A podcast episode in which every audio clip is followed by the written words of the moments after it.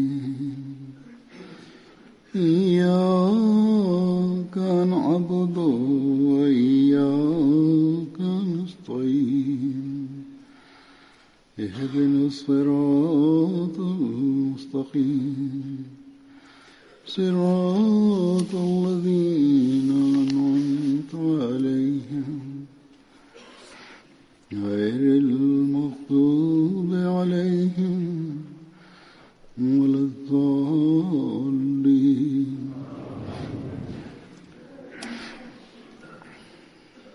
Di antara beberapa sahabat Rasulullah Sallallahu Alaihi Wasallam yang akan saya sampaikan pada hari ini, pertama-tama adalah Hadrat Abdullah bin Jahash. Ibunda beliau bernama Umaymah binti Abdul Muttalib yang merupakan bibi Hadrat Rasulullah Sallallahu Alaihi Wasallam dari garis ayah. Dengan begitu, Hadrat Abdullah bin Jahash adalah saudara sepupu Rasulullah.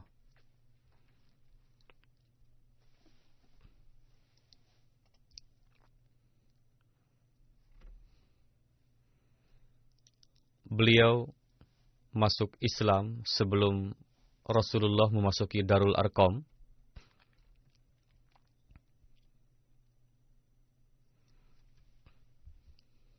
Darul Arqam adalah rumah atau markaz milik seorang muallaf yang bernama Arkam bin Arkam.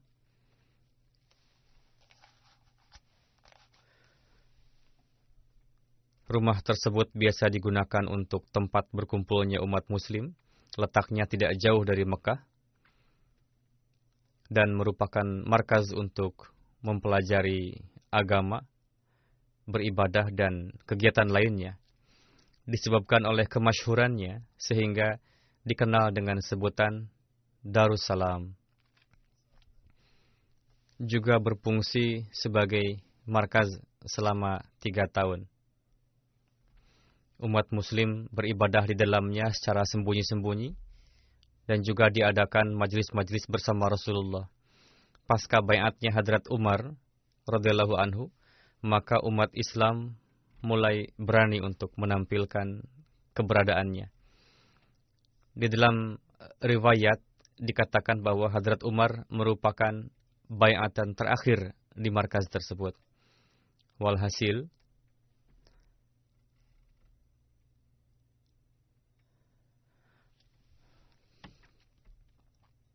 Hadrat Abdullah bin Jahash bayat sebelum tempat tersebut dijadikan sebagai markaz. Dalam riwayat dikatakan bahwa keluarga beliau pun tidak bebas dari penganiayaan orang-orang musyrikin Quraisy. Beliau pernah dua kali hijrah ke Habsyah disertai oleh kedua saudara beliau yakni Abu Ahmad dan Ubaidullah, juga saudari beliau Hadrat Zainab bin Jahash, Hadrat Ummi Habibah, dan Hadrat Amna bin Jahash.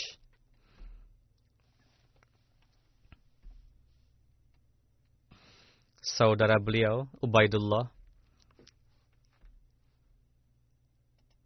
setelah sampai di Habsyah menjadi Kristen dan wafat sebagai Kristen. Dan istri beliau, Hadrat Ummi Habibah binti Abu Sufyan, saat itu berada di Habsyah,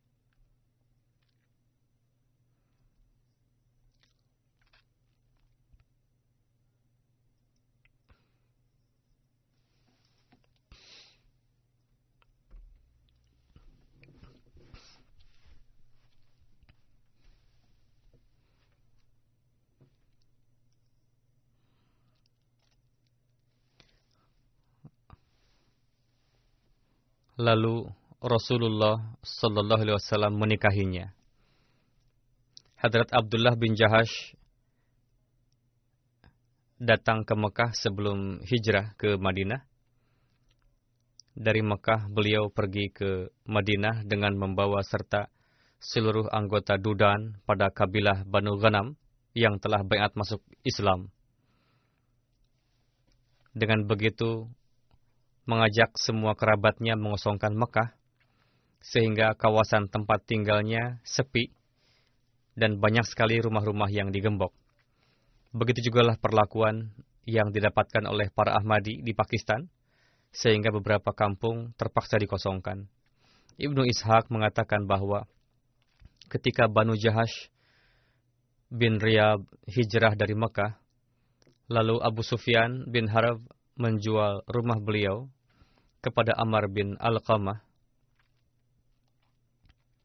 Ketika kabar penjualan itu sampai kepada Hadrat Abdullah bin Jahash di, di Madinah, beliau menyampaikan kejadian tersebut kepada Rasulullah. Rasulullah bersabda, Wahai Abdullah, tidakkah engkau ridho jika sebagai ganti rumah tersebut Allah akan menggantinya dengan sebuah istana di surga? Hadrat Abdullah bin Jahash menjawab, Ya Rasulullah, saya ridho. Beliau bersabda, istana tersebut adalah untukmu, yakni rumah-rumah yang kalian tinggalkan sebagai gantinya, kamu akan mendapatkan tempat di surga, yakni istana-istana. Hadrat Abdullah bin Jahash pernah diutus oleh Rasulullah untuk suatu peperangan Syriah ke arah lembah Nakhla. Yang mengenai hal itu kita temukan keterangannya di dalam buku-buku yakni suatu hari setelah melaksanakan salat Isya, Hadrat Rasulullah bersabda kepada Hadrat Abdullah bin Jahash untuk datang pada esok pagi hari dengan membawa persenjataan karena kamu akan dikirim ke suatu tempat. Ba'da salat subuh, Hadrat Rasulullah mendapati Hadrat Abdullah bin Jahash tengah berdiri menunggu di depan pintu rumah beliau dengan membawa sen serta senjata panah, tombak, dan tameng.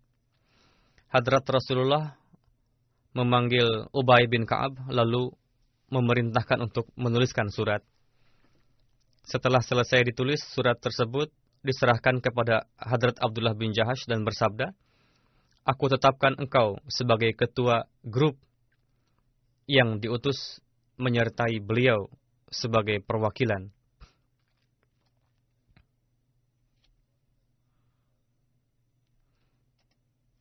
Dalam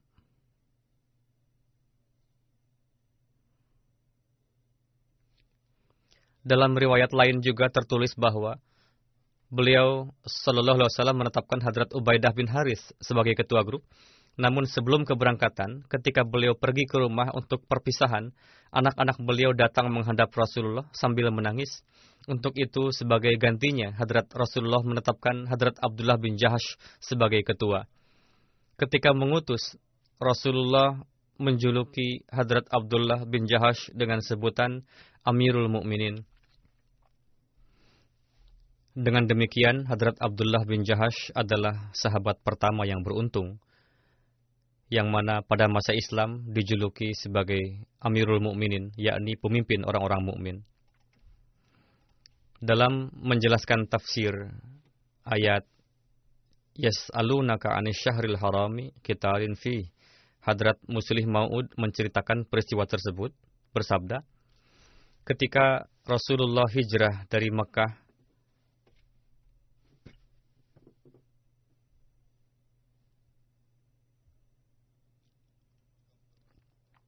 dan sampai di Madinah Munawarah, saat itu pun murka penduduk Mekah tidak berkurang sedikit pun.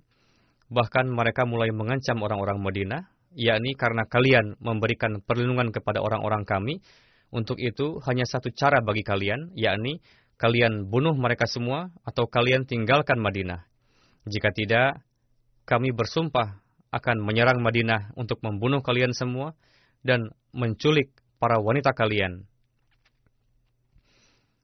tidak hanya mengancam, bahkan mereka melakukan persiapan untuk menyerang Madinah. Pada masa-masa itu, beliau Shallallahu Alaihi Wasallam terkadang terjaga semalaman dan para sahabat juga tidur dengan ditemani senjata agar musuh tidak dapat menyerang secara tiba-tiba di malam hari. Dalam keadaan seperti itu, di satu sisi Rasulullah mulai melakukan perjanjian dengan kabilah-kabilah yang tinggal di sekitar Madinah, supaya jika terjadi hal-hal yang tidak diinginkan, mereka akan membantu kaum muslimin. Sementara di sisi lain, kabar yang menyebutkan bahwa kaum Quraisy tengah melakukan persiapan. Untuk itu beliau mengutus Hadrat Abdullah bin Jahash bersama 12 orang ke Nakhlah dan mengirimkan surat juga, lalu bersabda, Bukalah surat ini dua hari kemudian. Hadrat Abdullah bin Jahash pun membuka surat tersebut dua hari kemudian. Di dalamnya tertulis, Kalian tinggallah di sementara di Nakhlah, carilah informasi mengenai keadaan Quraisy, lalu laporkan kepada kami. Secara kebetulan, saat itu tengah datang kafilah Quraisy dari arah Syria yang membawa barang dagangan dan melewati ke dekat mereka. Hadrat Abdullah bin Jahash berijtihad sendiri, lalu menyerang kafilah tersebut, yang mengakibatkan terbunuhnya Amr bin Al-Hazami dari pihak kafir. Dua orang ditawan, dan umat muslim menguasai harta rampasan.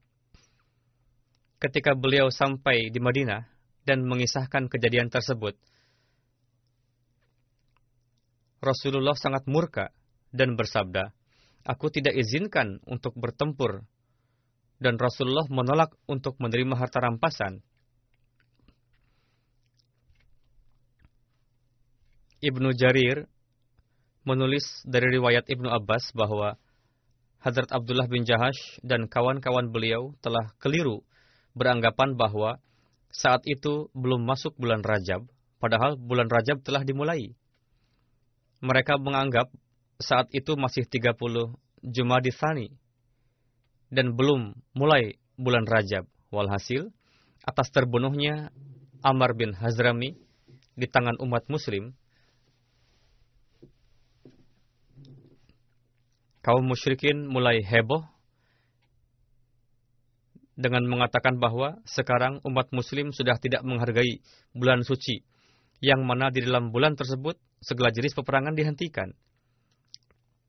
Hadrat Muslim Maud bersabda, dalam ayat ini Allah Ta'ala menjelaskan perihal keberatan tersebut berfirman, memang berperang pada bulan tersebut merupakan hal yang sangat dibenci dan dosa menurut Allah Ta'ala, namun yang lebih dibenci dari itu adalah melarang orang-orang ke jalan Allah dan melarang pernyataan tauhid ilahi, merusak kesucian Masjid Haram, dan mengusir orang-orang dari rumahnya tanpa disebabkan suatu kejahatan melainkan hanya semata-mata mereka beriman kepada Tuhan yang Esa. Kalian memang ingat akan satu hal, namun kalian tidak berpikir bahwa betapa besar kejahatan yang kalian sendiri tengah lakukan dengan mengingkari rus dengan mengingkari Tuhan dan Rasulnya, lalu merusak kehormatan Masjidil Haram, lalu mengusir penduduknya dari sana. Ketika kalian sendiri terjerumus dalam perbuatan yang sangat buruk tersebut, betapa tidak punya malunya kalian memprotes umat Islam. Mereka, umat Muslim, telah melakukan kekeliruan tanpa sengaja. Sedangkan kalian melakukan semua itu secara sengaja. Dalam mensyarah satu hadis Bukhari, perihal dampak positif dari syariah atau pertempuran yang dilakukan oleh Hadrat Abdullah bin Jahash.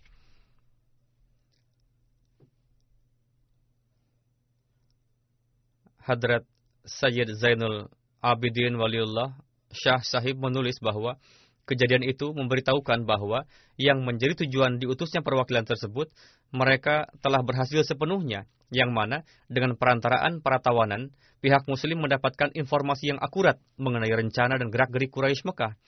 Peristiwa kafilah Hazrami merupakan sisipan dan kebetulan semata dan sebagian sejarawan yang berpendapat bahwa telah muncul pikiran di benak para pelaku misi ini untuk membalas dendam atas harta para muhajirin yang telah dirampas oleh kaum musyrik Quraisy. Pendapat seperti ini tidaklah benar. Melainkan tujuan utama dari misi ini adalah supaya dengan perantaraan kafilah Hazrami mendapatkan informasi yang otentik perihal maksud dan tujuan kafilah yang dipimpin oleh Abu Sufyan bin Harab dan juga rencana perang kaum Quraisy Mekah. Misi ini telah dibebankan kepada mereka secara rahasia. Untuk itu pasukan muslim tidak membiarkan kesempatan untuk menguasai kafilah yang sedikit itu lepas dari genggaman adalah keliru anggapan yang menyatakan bahwa perwakilan muslim tadi diutus untuk mencari informasi mengenai persiapan perang Quraisy Mekah, namun justru malah merampok kafilah dan kembali menghadap Rasulullah. Hadrat Abdullah bin Jahash adalah sahabat yang bermartabat mulia dan merupakan saudara sepupu Rasulullah. Hadrat Rasulullah telah memilih sahabat yang dapat dipercaya dan dapat menjaga rahasia untuk misi tersebut. Ketika Rasulullah mendapatkan informasi mengenai persiapan perang pihak Quraisy Mekah, maka beliau pun melakukan persiapan dan melakukannya secara diam-diam. Beliau menulis bahwa memang dalam kitab Magazi terdapat riwayat-riwayat yakni yang berkena, ber, berkaitan dengan peperangan.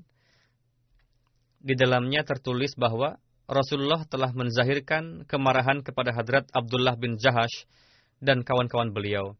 Namun kemarahan tersebut adalah beralasan, yakni jangan sampai dalam misi tersebut terjadi sesuatu yang dapat menimbulkan kerusuhan. Namun terkadang beberapa hal yang nampak sebagai kesalahan, namun itu bersesuaian dengan kehendak ilahi, dan terkadang beberapa kejadian yang sepele dapat memberikan hasil yang luar biasa. Walhasil, mungkin saja jika seandainya misi yang dikepalai oleh Hadrat Abdullah bin Jahash tersebut tidak diutus, dan jika apa yang telah terjadi itu tidak terjadi, dan jika kafilah dari Syria yang dipimpin oleh Abu Sufyan itu sampai tanpa hambatan, maka kaum musyrikin Quraisy pasti akan memanfaatkannya untuk melakukan persiapan besar dalam menyerang umat muslim yang nampaknya akan sulit bagi para sahabat yang jumlahnya sedikit dan pernyataan ala kadarnya untuk menghadapinya. Namun, dengan adanya peristiwa Hadrat Abdullah bin Jahash tersebut, para pemuka Quraisy yang takabur naik pitam. Untuk itu, dengan gejolak murka dan ketakaburan, mereka segera bertolak ke daerah Badar dengan membawa sekitar seribu laskar pasukan dengan persenjataan lengkap dengan membawa tekad untuk menyelamatkan kafilahnya namun mereka tidak menyadari bahwa di sanalah kematiannya telah ditakdirkan. Di sisi lain, ada juga kemungkinan lain jika seandainya para sahabat mengetahui bahwa mereka dibawa untuk menghadapi seribu pasukan dengan persenjataan lengkap, maka bisa saja di antara mereka ada yang bimbang. Walhasil, kerahasiaan telah memberikan manfaat yang berfungsi sebagai parit pelindung dalam peperangan yang mana dalam istilah peperangan masa kini disebut dengan kamuflase.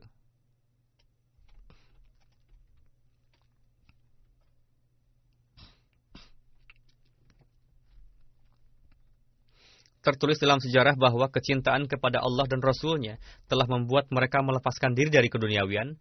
Jikapun ada keinginan, mereka ingin bagaimanapun caranya jiwa yang dicintainya dapat dikorbankan di jalan Allah dan memang harapan mereka ini terpenuhi.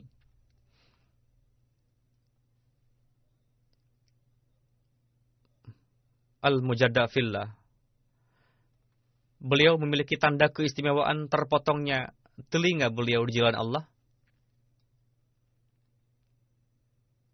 Berkenaan dengan itu, keterangan lebih rinci bagaimana terkabulnya doa Hadrat Abdullah bin Jahash? Dalam hal ini terdapat riwayat terkenal perihal pengabulan doa yang beliau panjatkan sebelum beliau syahid.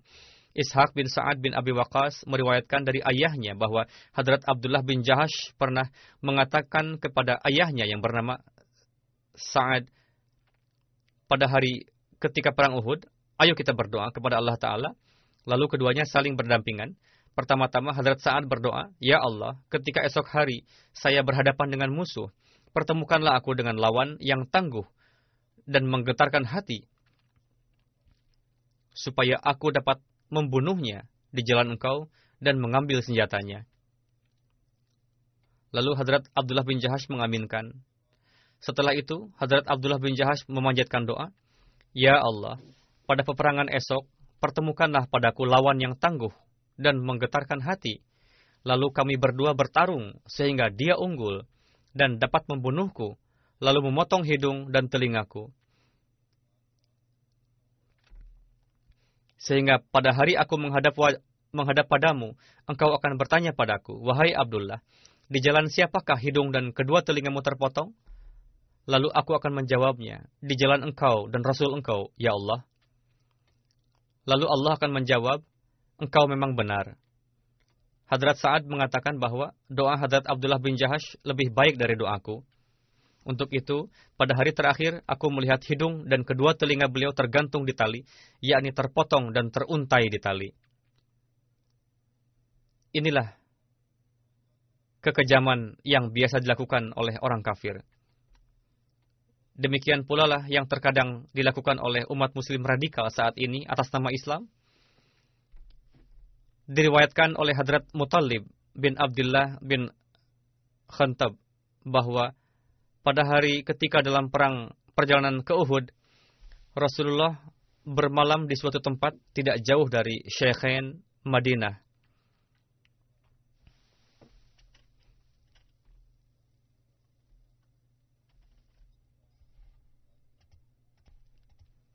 Lalu Hadrat Ummi Salamah membawakan hidangan daging bakar, lalu Rasul menyantapnya.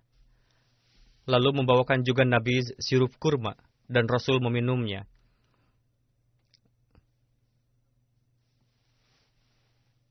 Saya mengira itu adalah jenis harira. Lalu seseorang mengambil wadah yang berisi sirup kurma dan meminumnya sebagian.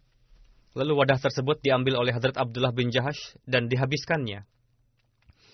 Seorang lain mengatakan, sisakan juga untuk saya. Apakah engkau tahu besok pagi kamu akan pergi ke mana? Orang itu bertanya kepada Hadrat Abdullah bin Jahash. Lalu Hadrat Abdullah bin Jahash menjawab, Ya, aku tahu. Aku ingin berjumpa dengan Allah Ta'ala dalam keadaan kenyang, yakni setelah makan banyak.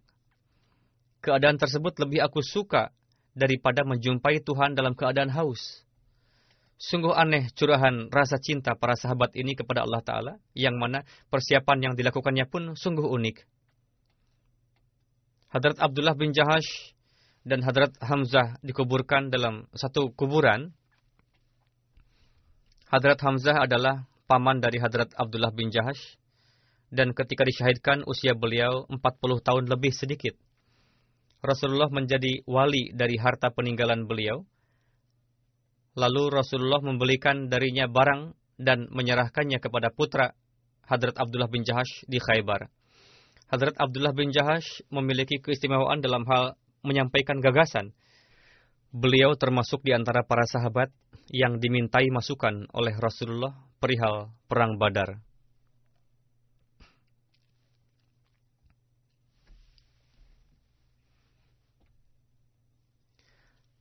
Hadrat Muslim Maud menerangkan satu peristiwa saudara ipar Hadrat Abdullah bin Jahash pada saat sekembalinya Rasulullah dari perang Uhud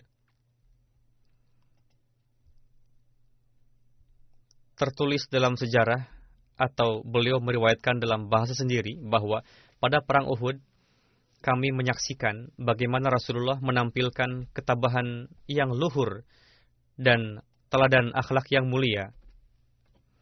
Beliau memperlihatkan kasih sayang dan menghibur orang-orang.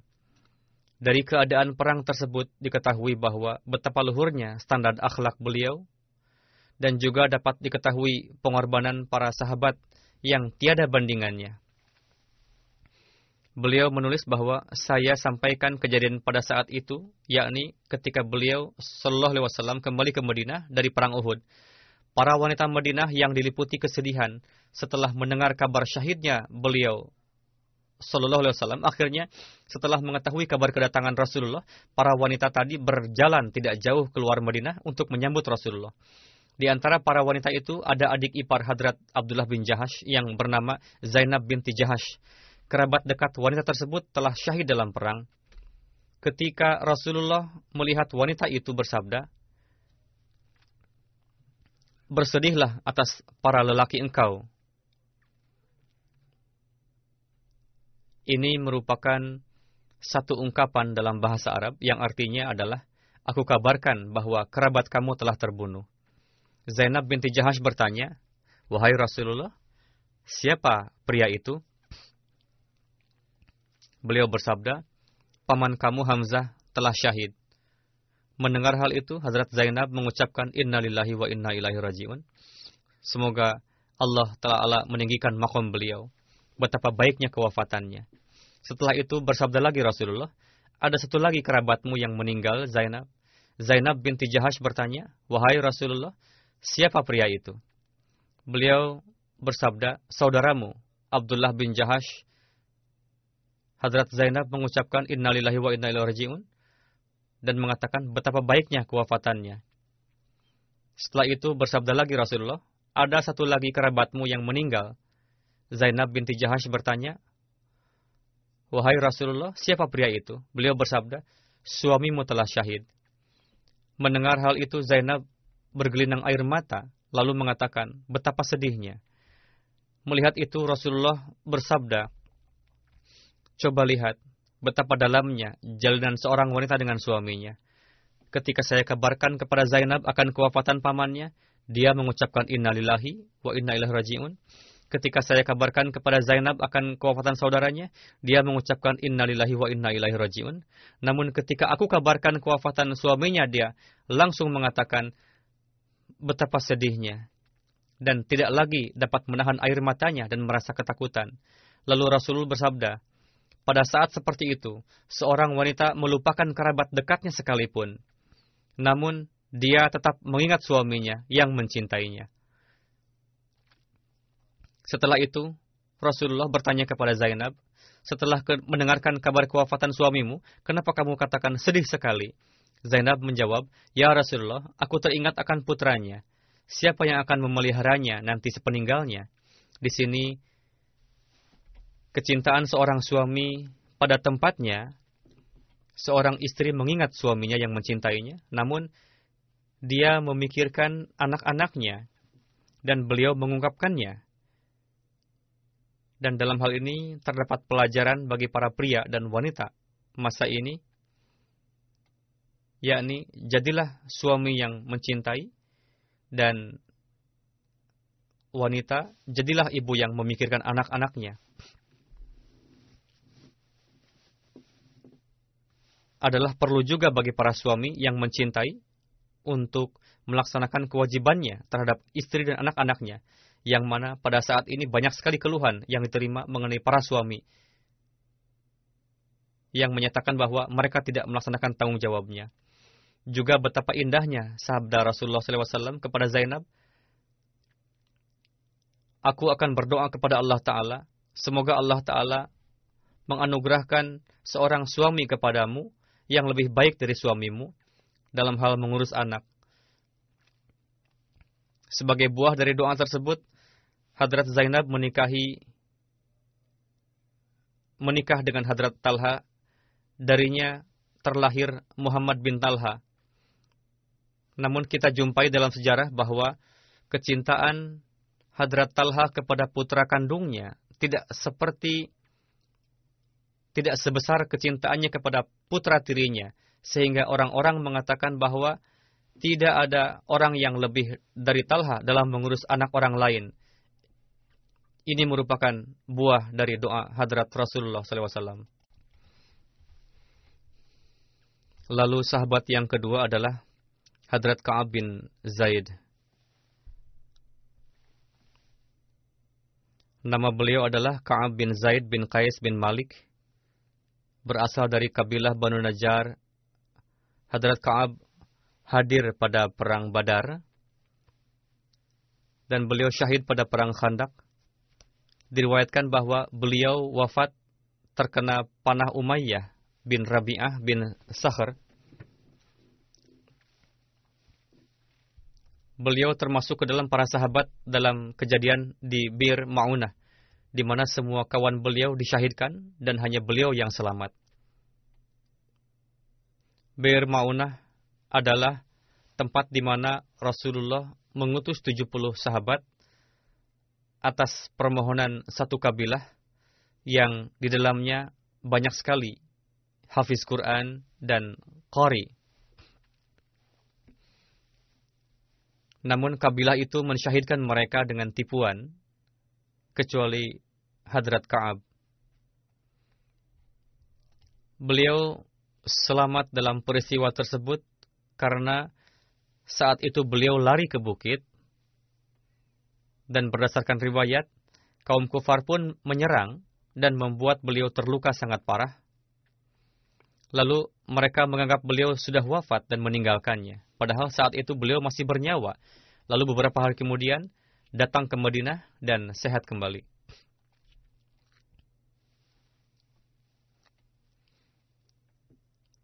Sahabat yang ketiga adalah Hadrat Salih Syukran. Nama beliau adalah Salih dan mendapat julukan Syukran. Dan julukan itulah yang dikenal orang.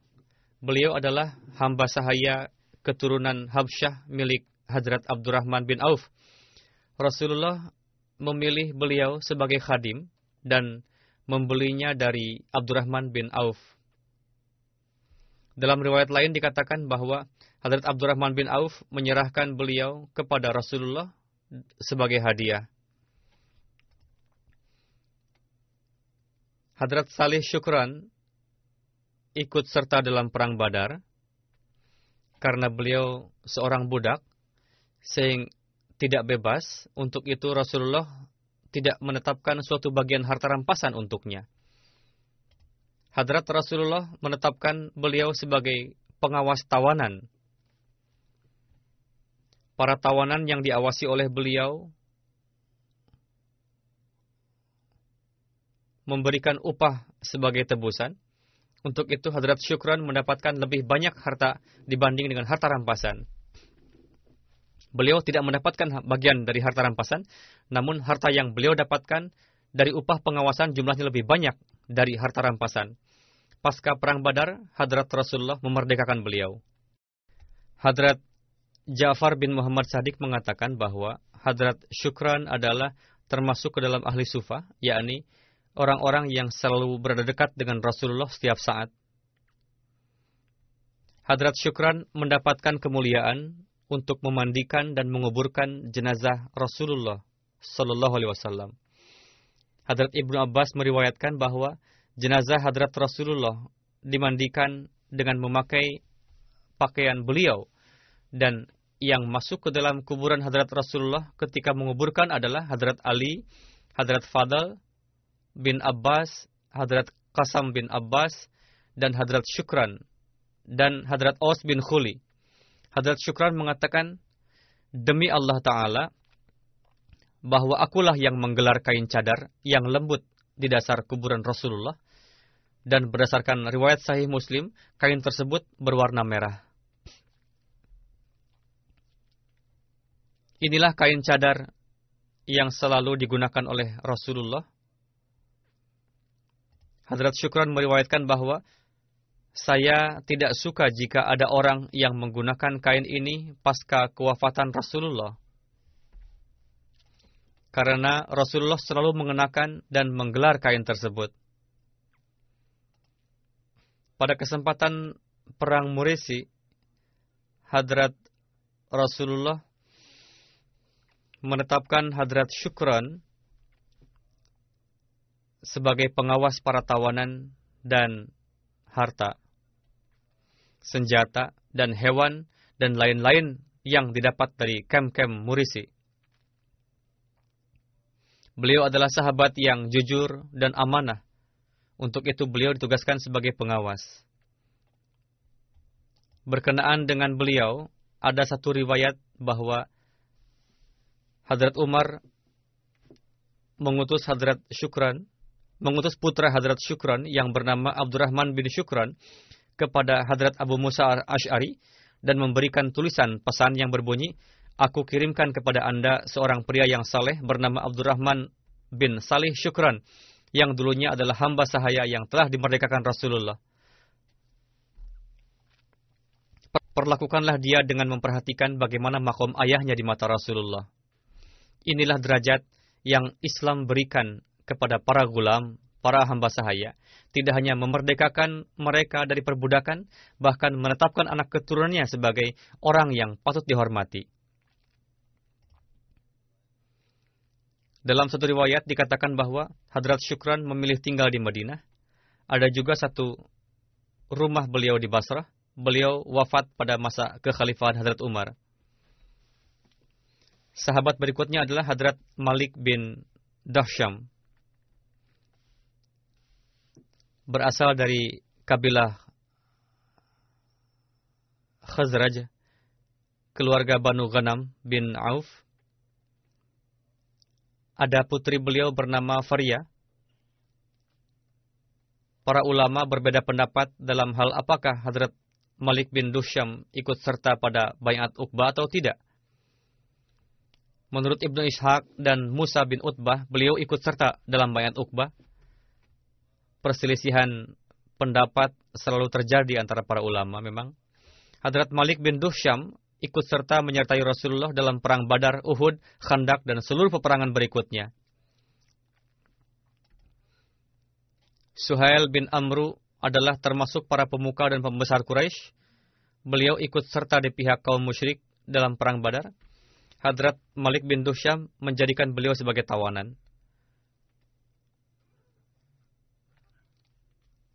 Dalam riwayat dikatakan bahwa Amir bin Sa'ad meriwayatkan dari ayah beliau, Hadrat Sa'ad bin Abi Waqqas, bahwa pada perang Badar, saya menembakkan panah kepada Suhail bin Amr yang mengakibatkan putusnya urat nadi beliau.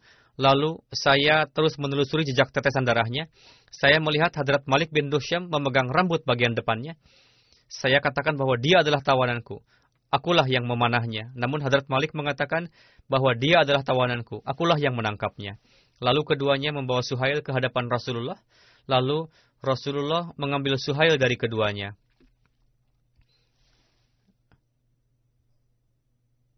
Namun Suhail lepas dari tangan Hadrat Malik bin Dusham di daerah Rawaha. Hadrat Malik berteriak di tengah keramaian orang-orang dan terus mencarinya. Hadrat Rasulullah bersabda, pada saat itu, siapa pun yang menemukannya, maka bunuhlah. Suhail datang untuk berperang dan berperang melawan umat muslim, lalu menjadi tawanan, namun melarikan diri, sehingga dapat menimbulkan resiko lagi bagaimanapun dia adalah seorang tawanan perang. Dan telah diperintahkan untuk membunuhnya. Namun memang dia harus selamat. Yang mana Rasulullah SAW lah yang menemukannya kembali. Alih-alih sahabat yang lain, Rasulullah lah yang menemukannya kembali. Namun Nabi Karim tidak membunuhnya. Jika seandainya ditemukan oleh sahabat, maka akan dibunuh. Karena ditemukan oleh Rasulullah SAW sendiri, untuk itu Rasul tidak membunuhnya. Inilah teladan beliau Sallallahu Alaihi Wasallam, dan teladan ini merupakan jawaban dari beliau kepada orang-orang zalim yang menuduh Rasulullah bahwa beliau berbuat zalim dan melakukan pembunuhan. Meskipun tawanan itu telah ditetapkan untuk dibunuh, namun ketika Rasul sendiri yang menemukannya, beliau tidak membunuhnya. Menurut riwayat Rasulullah, menurut riwayat Rasulullah menemukan Suhail di rindangan pohon kekar, lalu beliau memerintahkan supaya dia diikat tangannya dengan lehernya.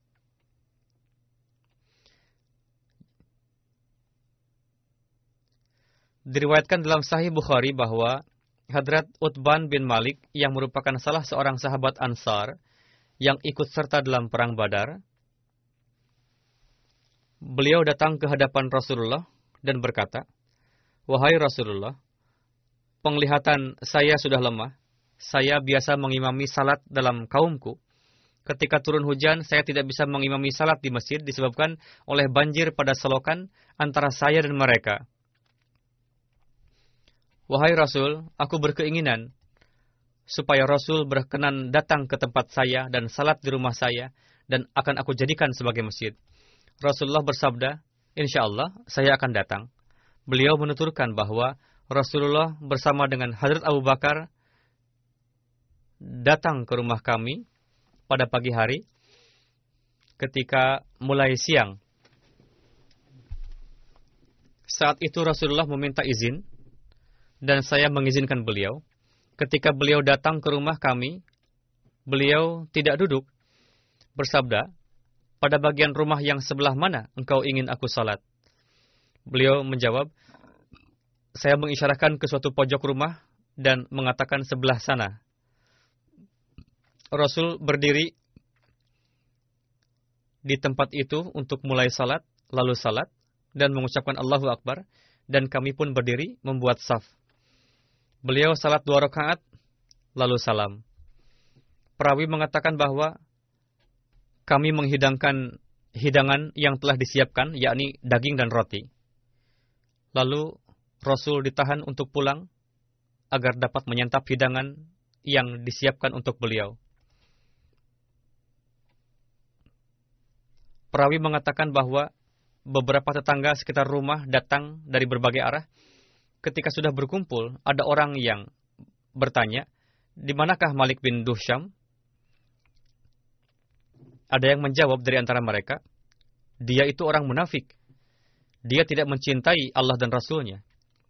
Mungkin mengatakan karena tidak datang, padahal tinggal di daerah itu. Rasul bersabda, jangan berkata begitu.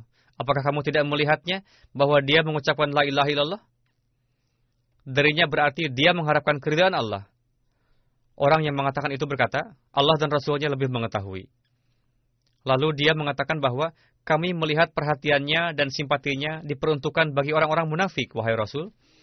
Mungkin disebabkan oleh kelembutan hatinya, sehingga berkeinginan untuk bertablik kepada orang-orang munafik dan mendekatkan mereka kepada Islam. Untuk itu, bersikap simpatik dan kepada orang-orang munafik. Karena itulah timbul kesalahpahaman di benak para sahabat. Lalu Rasulullah bersabda, Allah Ta'ala pasti mengharamkan api bagi orang-orang yang mengucapkan La ilaha illallah dengan syarat disertai dengan mengharapkan keridaan Allah Ta'ala. Ini juga merupakan jawaban bagi mereka yang mengatasnamakan sebagai ulama yang suka melontarkan fatwa kafir, khususnya mereka berbuat zalim kepada para Ahmadi dari sisi ini. Fatwa-fatwa para ulama ini jugalah yang telah mengacaukan ketentraman dan kedamaian negeri-negeri muslim. Di Pakistan didirikan grup-grup saat ini yang bernama Labaik ya Rasulullah. Memang mereka meneriakan Labaik ya Rasulullah, yakni sabda Rasulullah yang mengatakan bahwa barang siapa yang mengucapkan la ilaha illallah, jangan katakan bahwa orang itu bukan muslim. Allah Ta'ala telah mengharamkan api neraka atas orang tersebut jika dia melakukannya dengan mengharapkan keridhaan ilahi. Namun, para ulama ini menuduh bahwa para Ahmadi mengucapkan la ilaha illallah tidak disertai dengan mengharapkan ridho ilahi. Berarti para ulama ini lebih mengetahui hati orang lain lebih dari Rasulullah. Semoga Allah menyelamatkan bangsa ini dari mereka. Dalam riwayat lain dikatakan bahwa Hadrat Utban bin Malik mengatakan kepada Rasulullah bahwa Hadrat Malik bin Dusham adalah munafik Atas itu Rasul bersabda, apakah dia tidak memberikan kesaksian la ilaha illallah? Utban menjawab, kenapa tidak? Namun kesaksiannya tidak ada. Rasul bertanya, apakah dia tidak salat?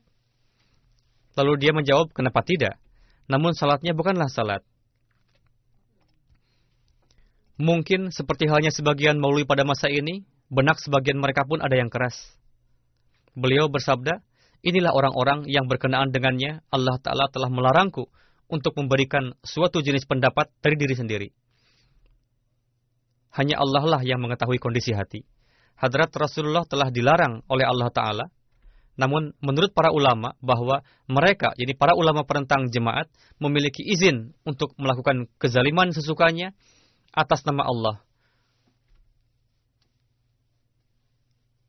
Khususnya ulama Pakistan. Hadrat Anas bin Malik meriwayatkan bahwa Hadrat Malik bin Dusham dicaci di hadapan Rasulullah SAW. Maka Rasulullah bersabda, La tasubbu, yakni kalian janganlah mencaci sahabat-sahabatku. Sekembalinya dari perang Tabuk dan tidak jauh dari Madinah, Rasulullah berhenti di suatu tempat namanya Zawawan. Di sana beliau mendapatkan wahyu perihal Masjid Diror. Lalu Rasulullah memanggil Hadrat Malik bin Dusham dan Hadrat Ma'an bin Adi dan memerintahkan untuk berangkat ke Masjid Dirar.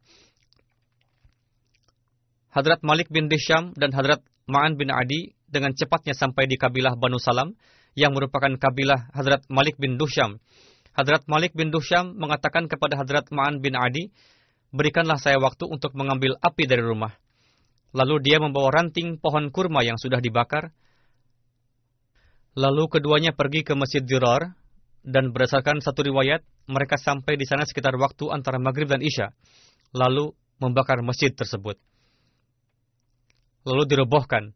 Mengenai seseorang, kita tidak bisa berburuk sangka kepada para sahabat dan sebagian orang telah salah faham mengenai orang lain sehingga berkesan bahwa mungkin orang ini telah sesat sampai-sampai menyebutnya munafik.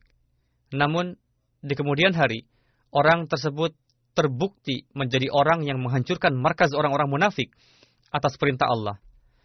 Semoga Allah Ta'ala terus meninggikan makom para sahabat dan memberikan taufik kepada kita untuk terus mengevaluasi diri, yakni sejauh mana kita telah melaksanakan perintah Allah Ta'ala.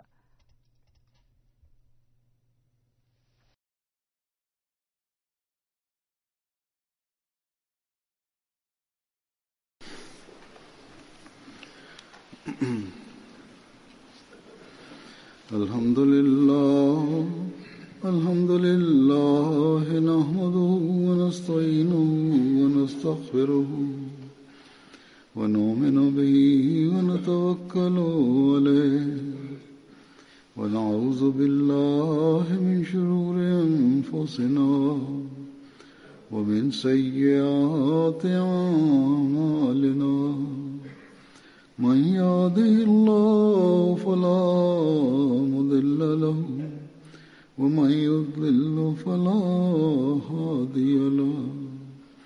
ونشهد أن لا إله إلا الله ونشهد أن محمدا عبده ورسوله.